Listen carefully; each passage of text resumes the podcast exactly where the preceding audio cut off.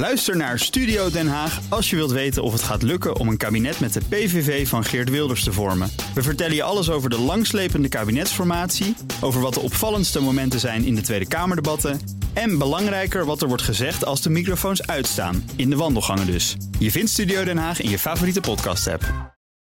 Iedere woensdag spreek ik Marcel Beerthuizen van sponsoring adviesbureau Big Plans over de ontwikkeling op het terrein van sport en economie. Vandaag gaat het over het sentiment onder voetbalsponsors naar aanleiding van een recent onderzoek. Marcel, goedemiddag. Goedemiddag Thomas. Dat onderzoek dat is verricht door de KNVB en de Eredivisie onder de sponsors. Met name volgens mij de shirtsponsors nu van eh, clubs in het betaalde voetbal, de Eredivisie. Welk beeld duikt daaruit op? Nou, dat ze eigenlijk heel erg tevreden zijn, dat is leuk om te zien. 77% eh, van die, van die partijen is zeer tevreden. Uh, en ook over het contact met de accountmanager. Die speelt een hele belangrijke rol. Maar ze geven dat sponsorship zelfs een, een rapportcijfer 8. En uh, men waardeert het ook dat heel veel van de clubs gewoon extra inspanningen hebben geleverd om toch uh, te presteren om iets terug te kunnen geven. En er is maar 4% wat zegt, nou, ik, ik ga niet verlengen. Uh, en, en dan is er nog een percentage, zo'n 38 procent. Ja, die gaat gewoon afwachten wat gaat er gebeuren. Kunnen we nu straks wel of niet naar het stadion? Maar het overal sentiment is dus heel, heel erg positief. Ja, want meestal kunnen die clubs iets terugdoen in de vorm van een mooie plek in de skybox, uh, uitjes naar topwedstrijden. Dat zit er allemaal niet in. En uh, nu ligt de vraag dan op tafel bij die sponsors: ga ik hiermee door of niet? Uh, de meesten zeggen ja. maar Marcel, mag ik jou ook nog vragen: doen ze dat onder dezelfde voorwaarden? Want het moet financieel natuurlijk ook allemaal wel kunnen. Ja, zeker. Nou, eh, kijk wat je ziet. Waarom zijn nou bedrijven sponsor van zo'n lokale voetbalclub van een BVO uh, in de eredivisie of in de keukenkampioen-divisie? En dat doen ze bijvoorbeeld om hun landelijke naamsbekendheid te vergroten. Vanwege inderdaad relatiemanagement en hospitality, dat ze mensen kunnen uitnodigen. Maar er is ook iets heel belangrijks en dat is gewoon trots om bij de club te horen. Dus er zit ook altijd iets in van een hele sterke betrokkenheid. Dat zie je zeker bij regionale clubs. Mensen willen daarbij horen, willen bij die omgeving horen. Uh, betrokkenheid is, uh, is heel erg essentieel. En daarom is de rol van die accountmanager ook zo belangrijk. Dus mensen zullen pas op een heel laat moment zeggen: ja, we stoppen ermee. Dan moeten ze echt het water boven de lippen hebben staan. Maar de betrokkenheid bij de voetbalclub is zo belangrijk voor ze. Dat ja, die tegenprestaties, die zijn wel heel belangrijk. Maar ze begrijpen ook heel goed dat de voetbalclub nu in de problemen is. En helpen. We gaan naar de wereld van het hele grote geld, namelijk de Europese topvoetbalclubs. Deze week verschenen de onderzoeken van Deloitte en KPMG over de stand van zaken in het Europese topvoetbal. De Money League heet dat volgens mij. Uh, vallen daar grote klappen, Marcel? Ja, uh, het is uh, veel minder geworden. Er is een teruggang van 12 procent. De inkomsten zijn van die 30 clubs die in die top 30 staan, die zijn nu uh, opgeteld bij elkaar 8,2 miljard euro.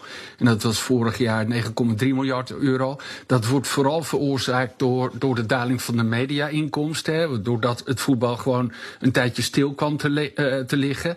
Natuurlijk, resettes van publiek. Ja, dat, dat scheelt enorm veel. Dat scheelt wel bij elkaar opgeteld meer dan 250 miljoen. Het is wel opvallend dat de commerciële inkomsten stegen met 3% met 105 miljoen.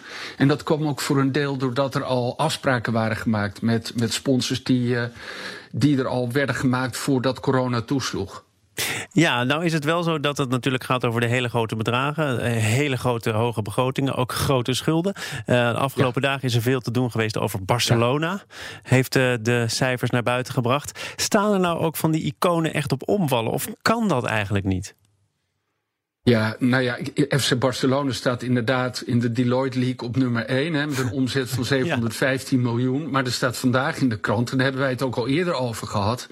Ja, dat ze een schuld hebben van meer dan een miljard. Dus dat, dat is natuurlijk een hele vreemde situatie. Er is daar echt hoge nood.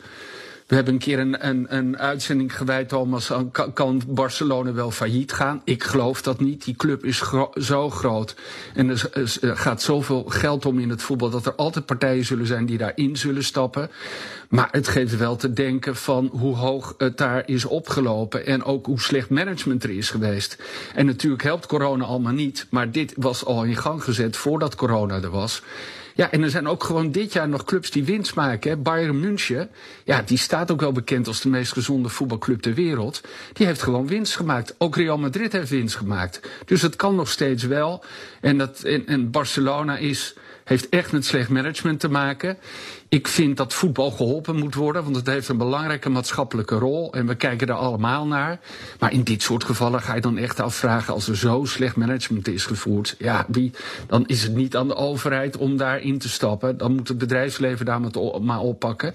En moeten inderdaad bijvoorbeeld spelers uh, geld inleveren, wat daar ook inderdaad gebeurt. Uit wat jij nu vertelt, kan ik opmaken dat het bedrijfsleven zijn verantwoordelijkheid ook wel neemt. Er is voor sponsors veel aangelegen om verbonden te blijven aan een club. Uh, tot slot nog even kort, maar stel dat COVID-19 maar blijft voortduren en die stadions blijven leeg, hoe lang kun je rekenen op die loyaliteit?